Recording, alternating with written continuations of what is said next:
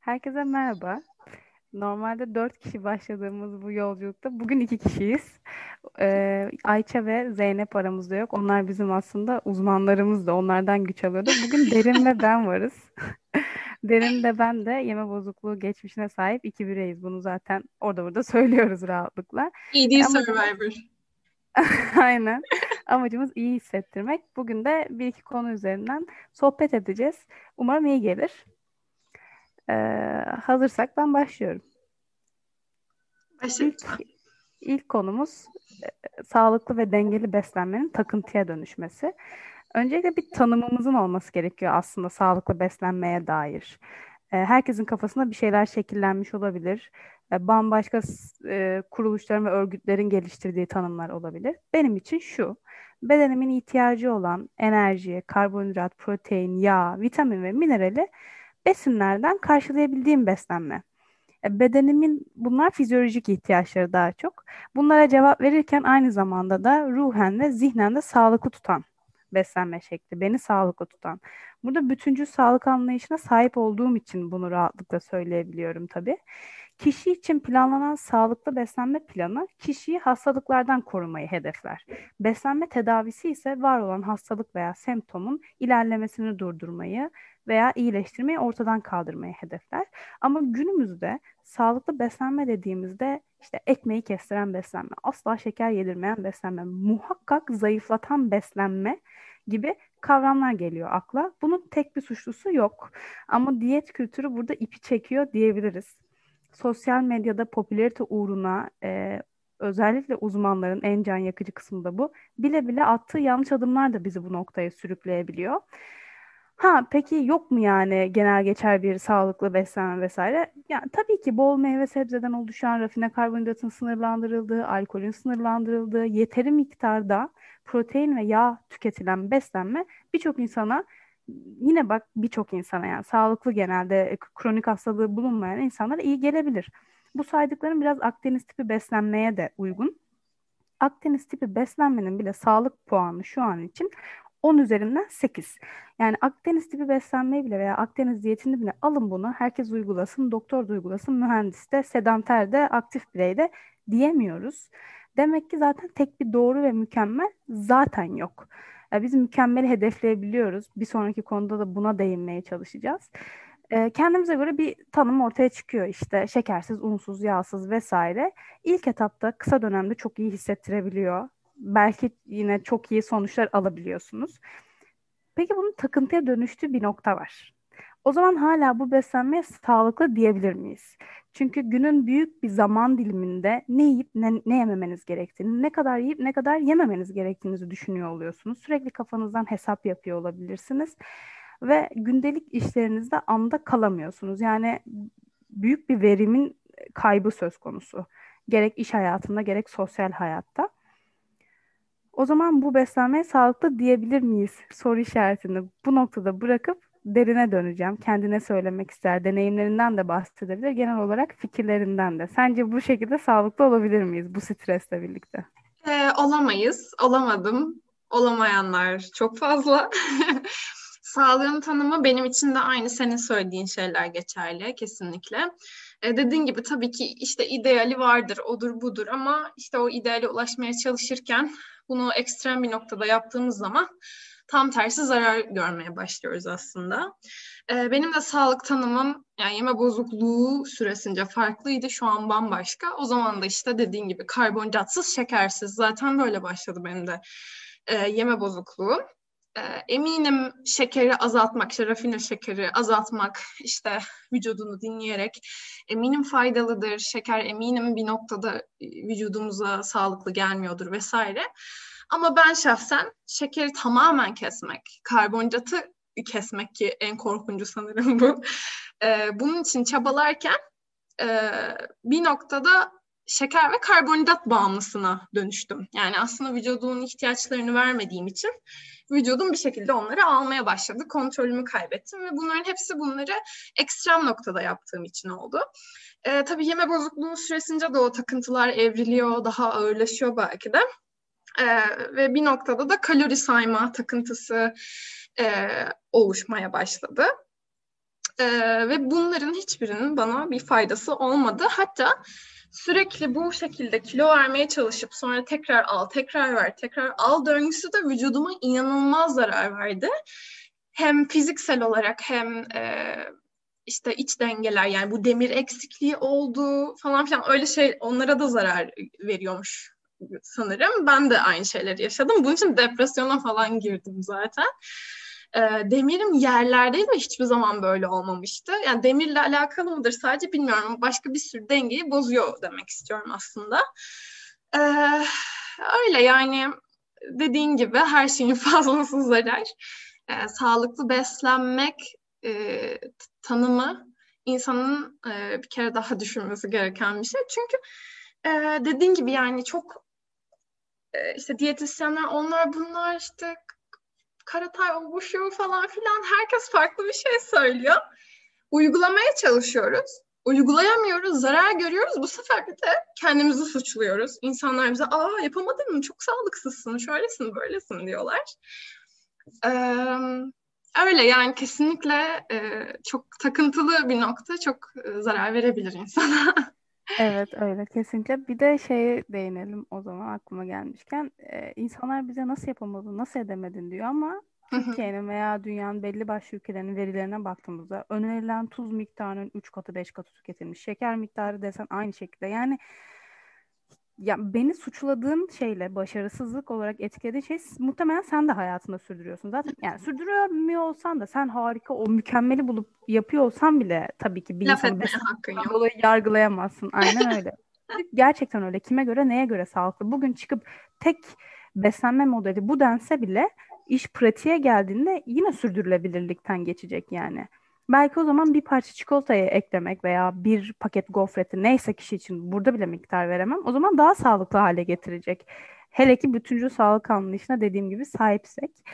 E, yeme bozukluklarına girdik bile iyi oldu. Bir sonraki çünkü konuşmak istediğimiz şey şuydu. İyileşme sürecinde bile mükemmelliyetçi olabilmek. Şimdi sağlıklı beslenmenin takıntıya dönüşmesinden bahsettik. Bu takıntıyla yaşarken kendimizi aslında bozulmuş yeme davranışıyla buluş, buluyoruz. Çünkü bir yemeği biraz fazla yediğimizde veya sağlıksız olarak etiketlediğimiz bir şey yediğimizde bunu yoğun suçluluk, utanç, pişmanlık takip ediyorsa bu zaten başta başına bir bozulmuş yeme davranışı. Yalnız şanslıysak ve bozulmuş yeme davranışı geliştiririz şanslıysak. Daha da şanslıysak bunu erken fark ederiz. Hem erken teşhis hem de daha bozulmuş yeme davranışı bir hastalık değilken tedavisi tabii ki daha kolay. İşimiz daha kolay olur ama ya durumu fark edemezsek veya bozulmuş yeme davranışı hızlıca gelişir, çığ gibi büyür ve bir yeme bozukluğuna e, evrilirse orada muhakkak tedavi edilmesi gereken bir hastalıkla karşı karşıyayız demektir aslında yani birçok psikolojik, fizyolojik rahatsızlık gibi yaşaması oldukça zor. Diyabette, e, hipertansiyonda aklınıza ne geliyorsa konforu düşüren hastalıklar, psikiyatrik veya fizyolojik hastalık dediğim gibi. Ee, yeme bozukluğu geliştirirken mükemmelliyetçilik çok güzel besliyor bu süreci. Yine Kesinlikle. mükemmel beslenme, mükemmel egzersiz, mükemmel bedene sahip olmaya çalışırken yeme bozukluğuna sahip olabiliyoruz. E, yeme bozukluğunu iyileştirmek için ayağa kalkmaya çalışıyoruz. Ben hayatımda en büyük hayalimin ve hedefimin bunu tedavi etmek olduğunu hatırlıyorum. Çünkü hayatımın tam merkezindeydi ve çok etkiliyordu. Yoğun bir şekilde bir an önce bir de geçsin istiyoruz. Bir anda geldiği gibi bir anda gitmiyor maalesef. Ve e, geliştirirken bizi besleyen mükemmelliyetçiliği iyileştirirken de oraya dahil etmeye çalışıyoruz. Yani mükemmel bir iyileşme süreci hayal ediyoruz. Maalesef yine böyle bir şey yok. Yani bunun tek bir ilacı, tek bir tedavi yöntemi ve kesin e, tedavi vaat eden bir yöntem olmadığı için mükemmel bir süreç hemen hemen kimseye beklemiyor. E, iyileşme süreci oldukça dalgalı. İkimiz de bunu eminim dibine kadar yaşadık. Evet. Senin sürecinde de var mıydı böyle dalgalanmalar? Evet vardı ama bu konuya girmeden önce bir şey sorabilir miyim? Hani dedin ya şanslıysak bozuk yeme davranışı geliştiririz. Neden şanslıysak onu merak ettim. O şu şu yüzden söyledim. Eğer artık beslenmenin ben takıntıya dönüştüğü kişiyi düşünüyorum. Hı hı. E, bu muhtemelen ya bu yeme bozulmuş yeme davranışına gidecek ya da çok daha hızlı bir şekilde yeme bozukluğuna gidecek. Yani bozulmuş yeme davranışına tabii ki yeme bozukluğu teşhis almadan sahip olacaksın. Bunu sıklığına göre tanıyı alacaksın ama Bir haftada 3-4 gün mesela binç yaşamak var. Bir de ayda bir binç yaşamak var. Ayda bir binç yaşıyorsan, tıkınırcasına yiyorsan yeme bozukluğuna sahip değil, bozulmuş yeme davranışına sahipsindir ve iyileşmesi daha kolay. Hı hı. Ee, yeme bozukluğu tanısı almış birine göre. Bu yüzden şanslıysanız aslında kötünün iyisi gibi bir durumdan söz etmek hmm. istedim. Anladım. Yoksa... Ee, evet. Bir de bu e, işte iyileşmede mükemmeliyetçi olma konusu. Evet kesinlikle böyle şey yok hani dümdüz yukarı çıkan bir grafik kesinlikle yok. Bazen düşüyor, bazen kalkıyor, bazen çok kötü hissediyorsun. Çok geçmeyecek, bitmeyecek gibi geliyor. Ama ne olursa olsun aslında bu düşüşleri de kabul edip onların da normal olduğunu anlayıp o sırada kendine şefkat gösterdikçe tamam bu da olabilir okey bugün de çok iyi iyileşme sürece devam edemedin. Sorun değil yarın tekrar başlarız. İşte sorun değil sorun değil. Kendini böyle sıvazlayıp devam ettikçe ve bunun için mücadele ettikçe eninde sonunda iyileşiyorsun. Ama dediğin gibi yani zaten mükemmeliyetçi olmaya çalışırken bu noktaya geldik. Bari burada aslında e, mükemmeliyetçi olma ve aslında süreci kabul etmek gerekiyor. Ve aynı zamanda mükemmeliyetçilikle birlikte kendi suçlama da var. Yapamadığın zaman suçlama etme. O da mükemmeliyetçiliğin bir parçası. Onu da aslında yapmamak gerekiyor. Yani zaten bu bir sürü bir sürü şey yaşıyorsun. Bir de üstüne yapamadığını, edemediğini, kendini suçluyorsun falan filan. Ama kesinlikle dediğin gibi yani e, şey değil. E, basit bir süreç değil yani. Bir de şu var. E, şu arka, kendinle arkadaşınla konuşuyormuş gibi konuş. Hı hı. E, düşünün ki tamam siz yeme bozukluğu tanısı aldınız veya bozulmuş yeme davranışlarını yaşıyorsunuz ve iyileşmek için ayağa kalktınız. Bu bile başlı başına aslında kendine değer verdiğinin bir göstergesi bence. Kesinlikle. Çabalıyorsun ya yani kendini iyi bir hale getirmek için daha iyi hissetmek için çabalıyorsun. Eğer yakın bir arkadaşın yeme bozukluğu yaşasaydı ve bir ay boyunca hiç binç yaşamasaydı. Biz şimdi daha çok böyle e, binçten çekmişiz ya hani anoreksiyadan vesaire değil. O yüzden veriyoruz. oradan veriyorum. Aynen. Ee, bir ay boyunca hiç tıkın arasına yemedi veya hangi bozulmuş yeme davranışını gösteriyorsa onu göstermedi. Bir ay sonra büyük bir e, davranış ortaya koydu. Daha onu rahatsız edecek büyük bir yeme hata gibi.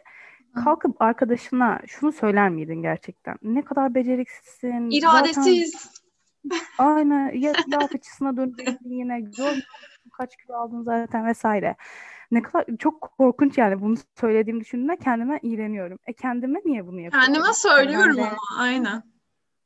Aynen. Aynen öyle. İşte yine öz şefkatten geçiyor. Öz şefkat kolay bir şey değil bu arada. Hani sadece yeme hata değil. Yeme bozukluğu iyileşir ve bir işe yetiştiremiyorken e, mesleki olarak söylüyorum bir işi yetiştiremiyorken bir anda kendine kızarsın. Hatta akşam yemeğini birilerine akşam yemeği hazırlıyorsan yarım saat geç kaldığı için bile kendini hırpalarken bulabilir insan kendini. Ben yaşıyorum hala Gülşah mesela yani bak e, bir yıldan fazla oldu iyileşmeye başladığı yeme bozukluğuna ve tamamen iyileştim ben ama öz şefkat konusu hala devam ediyor. Hala sıkıntı çekiyorum, hala terapi görüyorum. Ee, ve şeyi fark ettim hani aslında yeme bozukluğundan iyileşirken yapabildiğim şeyleri uygulamayı bırakmışım, uygulamamışım ya da işte farklı alanlarda uygulayamamışım. E, ama işte terapiste de konuşmak çok iyi geldi. Profesyonel destek almak. Ona bayağı ara vermiştim. E, o zaman gerçekten anladım tekrar yapmam gerektiğini. Ama bu şey değil yani her gün yapabiliyorum sorunun çözüldü değil. Ben de şu anda başka bir konuda iyileşme aşamasındayım. Ama işte yapamadığım, edemediğim oluyor. Diyorum ki tamam dedim, okey sıkıntı yok. O zaman gerçekten bir şeyler daha kolaylaşıyor. Ya süreç çok daha kolaylaşıyor. Çok Aynen öyle. Bu şey bana tokat gibi vurdu şu an. Dedin ya iyileşirken şimdi yeme bozukluğunu yoğun olarak yaşarken inanılmaz büyük bir rahatsızlıkla yaşıyorsun. Rahatsız uyuyorsun, rahatsız uyanıyorsun ve aklında var. Ve bu yüzden de onu ortadan kaldırma isteğin daha yüksek oluyor. Daha fazla çaba sarf ediyorsun. Ee, geçince de böyle bir unutabiliyorsun aslında yani insanın nankörlüğünden midir? Ve sonra o uyguladığın şeyleri aslında diğer alanlarda da uygulayabilirsin. Bu uyguladığın işte mükemmelliyetçi etmek, öz şefkat, e, işte kendine ve bedenine saygı duymak sadece yeme bozukluğu süreçleri için özel şeyler değil. Diğer alanlarda uygulamayı unutabiliyoruz gerçekten de. Halbuki ne mutlu onları öğrenmişiz ve yeme bozukluğunu tedavi etmede kullanmışız. Hı hı. Ve çok işe yaramış. Aynen öyle. Niye şimdi unuttuk? Bende de oluyor. Evet. Hatta bu yememi de etkiliyor. Yani sonuçta bir geçmiş var koskocaman. Ee, böyle tamamen saldığımda mesela daha az farkındalıkla yiyorum. Ee, toplumu iyi yememiş oluyorum. Acıktığımı fark edemiyorum falan. Ee, bu tabii ki de falan o kadar faktör var ki etkileyen. Ama Hı-hı. unutabiliyoruz gerçekten. Kendimize yardım etmek için geliştirdiğimiz stratejileri unutabiliyoruz bazen uygulamayı. Çok güzel bir noktaydı bence bu. Belki de bu yüzden hiç çok uzun bir zaman sonra küçük bir yeme hata geliyor mesela. Belki de unuttuğum için. Belki evet, de evet. o bir hatırlatıcı. Yani. Ben, ben hala mesela e, yani hiçbir zaman o binciler kadar büyük bir ataklar yaşamıyorum artık.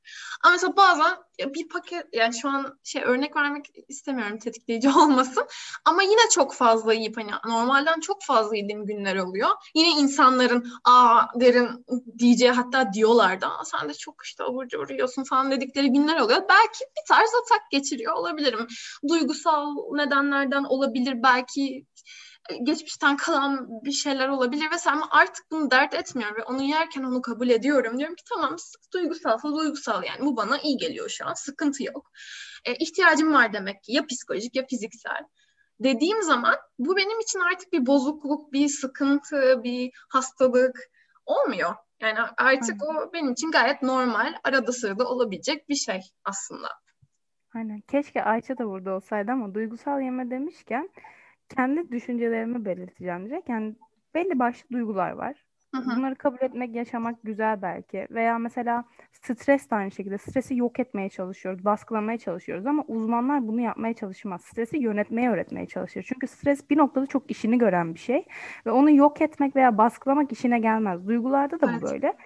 Ve biz e, yaşarken çok fazla duyguyu deneyimliyoruz ve sürekli onlarla başa çıkmaya çalışıyoruz öfkeyle de mutlulukla da üzüntüyle de her neyse e, kendimizce bir işte başa çıkma stratejisi geliştiriyoruz. Bu bazen yemek olabiliyor. Bazı insanlar için alkol, sigara, e, kötü sözler söylemek de olabiliyor. Hı hı. Yemek sanki burada en masumuymuş gibi oldu da böyle başkasına zarar vermiyorsun falan ama e, bu ne zaman sorun olabilir? Her duyguya bu şekilde cevap vermeye başladığında hem fizyolojik bir rahatsızlık duyacaksın muhtemelen hem de psikolojik. Yani o zaman evet ayağa kalkılabilir ama arada bir üzülünce veya çok mutlu olunca ben mutlu olduğumda da yeme hata yaşadım biliyorum. O duygu beni tetikliyordu mesela. Evet. Ee, onunla o şekilde başa çıkmış olabilirsin. Belki verilmesi yanıt o değildi. Ama mükemmel yanıtı aramıyoruz ki yine yani. Her zaman mükemmel başa çıkamayız ki. Hı hı, kesinlikle. O stres yönetimi öğreten, duygu yönetimi öğreten psikologlar da e, duyguya veya psikiyatristler de bu uzmanlar da duyguya yemekle veya uygun olmayan bir davranışla karşılık veriyor olabilir. Hı hı. Kesinlikle. Yine işte ya, bu okullar gerçekten mükemmelliyetçiliğe çok işaret ediyor. Böyle e, sürekli söylemekten hoşlanmam aynı şeyleri. Hani sanki tek bir tek onu biliyormuş gibi ama durum bu. hem çok tetikliyor evet. hem de orada burada karşımıza çıkıyor gerçekten de. Bir de mesela iyileşme süreci herkesin farklı ne kadar süreceği, nasıl geçtiği her her biri için farklıdır. Ne kadar sürdüğü vesaire vesaire. Ama e, şu kesin bence kendine iyi davranmak, şefkatli olmak, mükemmelliyetçi olmamak, e, sürece güvenmek, vücuduna güvenmek bu süreci hızlandırıyor. Bu net yani. Kesinlikle katılıyorum. Ben de katılıyorum. İşte bu noktada da uzman yardımı yine şöyle işe yarıyor. Vücuduna güvenebilmek için fizyolojini öğrenmen lazım. Beslenme hakkında doğru bilgilere ulaşman lazım. Az önce söyledim. Her uzman farklı bir şey söyleyebiliyor.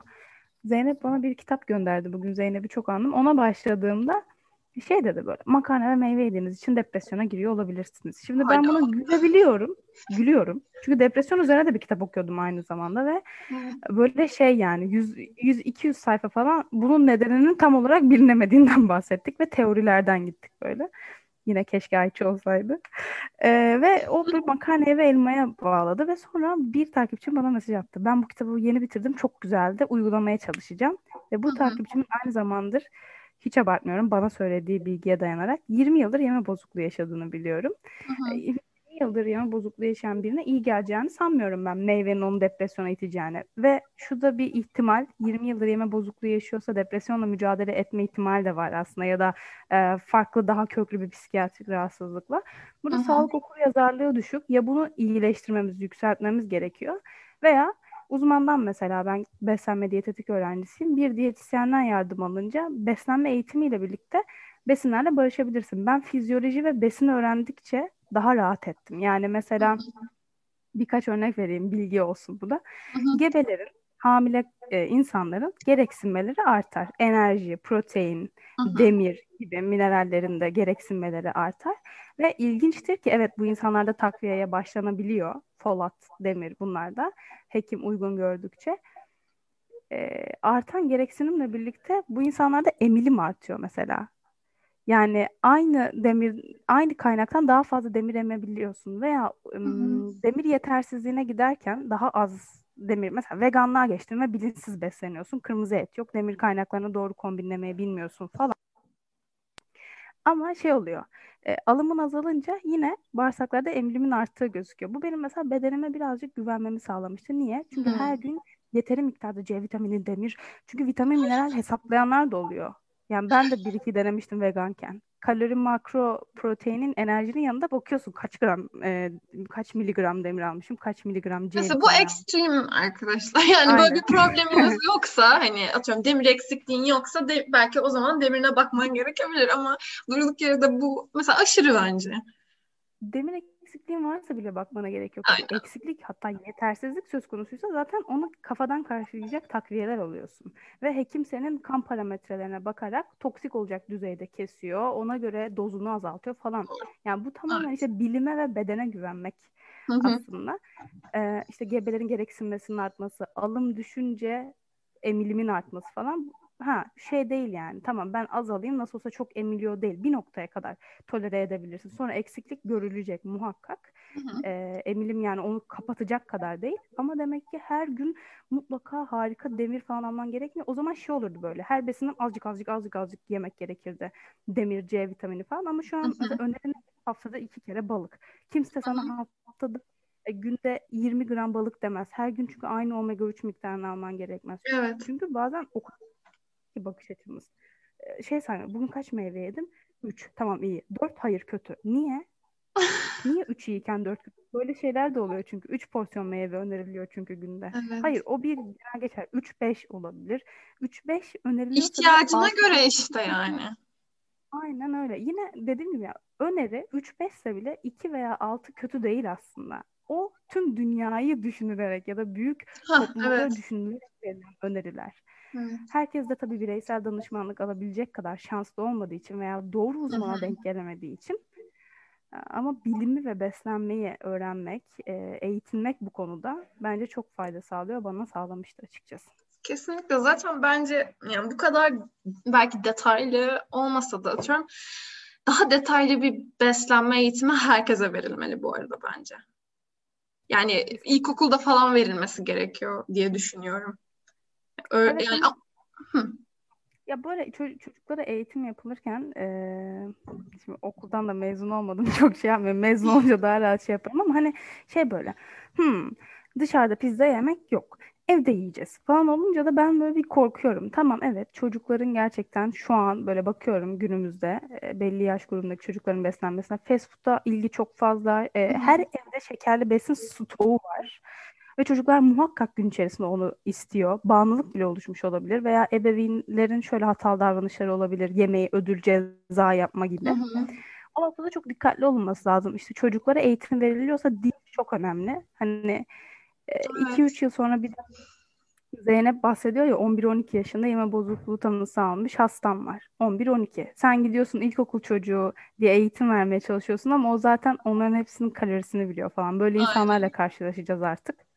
Evet. O yüzden çok dikkat etmek gerekiyor. Sen şey dedin, kapsamlı bir eğitim gerekiyor bence. Daha dedin. kapsamlı. Yani evet işte biraz ütopik düşünüyor olabilirim ama hani baya böyle e, işte şeyden bahsedilmesi lazım. Mesela atıyorum bir gün şu kadar kalori alsam, bir gün o öyle alsam, bir gün böyle alsam bir şekilde vücudun mesela o şeyi koruyor hani her zaman. Kalorini işte takip etmek zorunda değilsin aslında hani vücuda güvenmek için olan bilgilerden bahsediyorum. İşte metabolizmadan belki daha çok bahsedilebilir vesaire. Hani aslında çocuklara işte evde yiyin dışarıda yemeyin gibi değil. İşte evde tercih edin belki ama dışarıda da yediğiniz işte zararlı zararsız olarak ayırmayın, sağlıklı sağlıksız diye ayırmayın gibi şeylerden bahsediyorum aslında. Aynen besin etiketlemesinin ön- önüne geçip aslında daha besleyici ve daha az besleyici besinlerin olduğundan bahsetmek e, faydalı olacaktır. Yine kimse çıkıp işte brokoliyle ya da ne bileyim balıkla e, rafine şekeri kıyaslayamaz besin ögeleri açısından. Onun daha besleyici olduğu belli bir şey. Hı hı, Ama bu evet. kötü demek mi? O zaman şey olacak. Kime göre kötü? Neye göre kötü? Ne zaman kötü? Hangi miktarı kötü? Hı hı. Kesinlikle bu arada bizi böyle bambaşka bir e, gruptan dinleyen biri varsa bunu deneyimledik diye e, çok hassas davranıp böyle konuşmuyoruz. Bence olan biten bu. Evet. Yani benim yeme bozukluğu yaşamadığını bildiğim hocalarım da bunu söyledi. Yemekleri etiketlemek yerine daha çok besleyici ve daha az besleyici olarak ayırmanız gerek gerekir yani.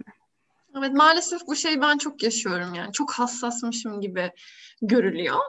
Sadece farkındalık yok insanlarda, bilmiyorlar. O yüzden of derin işte yeme bozukluğu yaşadığı için. Hayır Evet, değil, evet. gerçekten Ben de bunu yaşıyorum. İşte. Çok hassasım o yüzden. Yoksa bir şey demedi yani. Şey, Netflix'teki Netflix yapımlı dizilerin hemen hepsinde neredeyse ben yeme bozukluğuna rastlıyorum artık. Mutlaka Gerçekten. özellikle yiyip çıkarma e, üzerine falan ben çok denk geliyorum. Türk Türk dizilerinde Güneş'i beklerken de bir sahne varmış. Hmm, varmış Ee, evet. o- Melis aa Ne oldu? senin arkadaşın Ee, arkadaşım değil tanıdığım biriydi. Boş ver. Tamam benim şu an geldi. Tamam. Orada diyebiliyorum. Ee, az yani. Çok az. Umarım farkındalık artar. Evet Var umarım. mı eklemek istediğim şeyler? Demek istediğim şeyler. Ya bence şimdilik yok gayet keyifli ve güzel bir sohbetti. Evet. Çünkü otursak şu an 15 saat konuşuruz bence. Konuşuruz. Evet. o yüzden belirlediğimiz başlıklar bence şimdilik yeterli. Yeter. Aynen öyle. Umarım Evet çok daha kolaymış olur. değil mi? Çok Bayağı daha sanki kolay. Evet, birbirimize sohbet ettik gibi. evet, evet. Daha İnteraktif sağlıklı. olması güzel. Ama çok dağılabiliyor gerçekten de ve YouTube işi birazcık daha zor. E, Evet, Ee, çok editleme işi var. Sana kalıyor. Bunlar birazcık. o zaman teşekkür ederiz vaktiniz Evet, için. Umarım faydalı olmuştur. Evet. O zaman hoşça kalın. Haftaya görüşürüz falan diyemiyorum çünkü belli değil ama bir uzmanla geri dönebiliriz. Ee, bakalım neler olacak. Kendinize iyi bakın.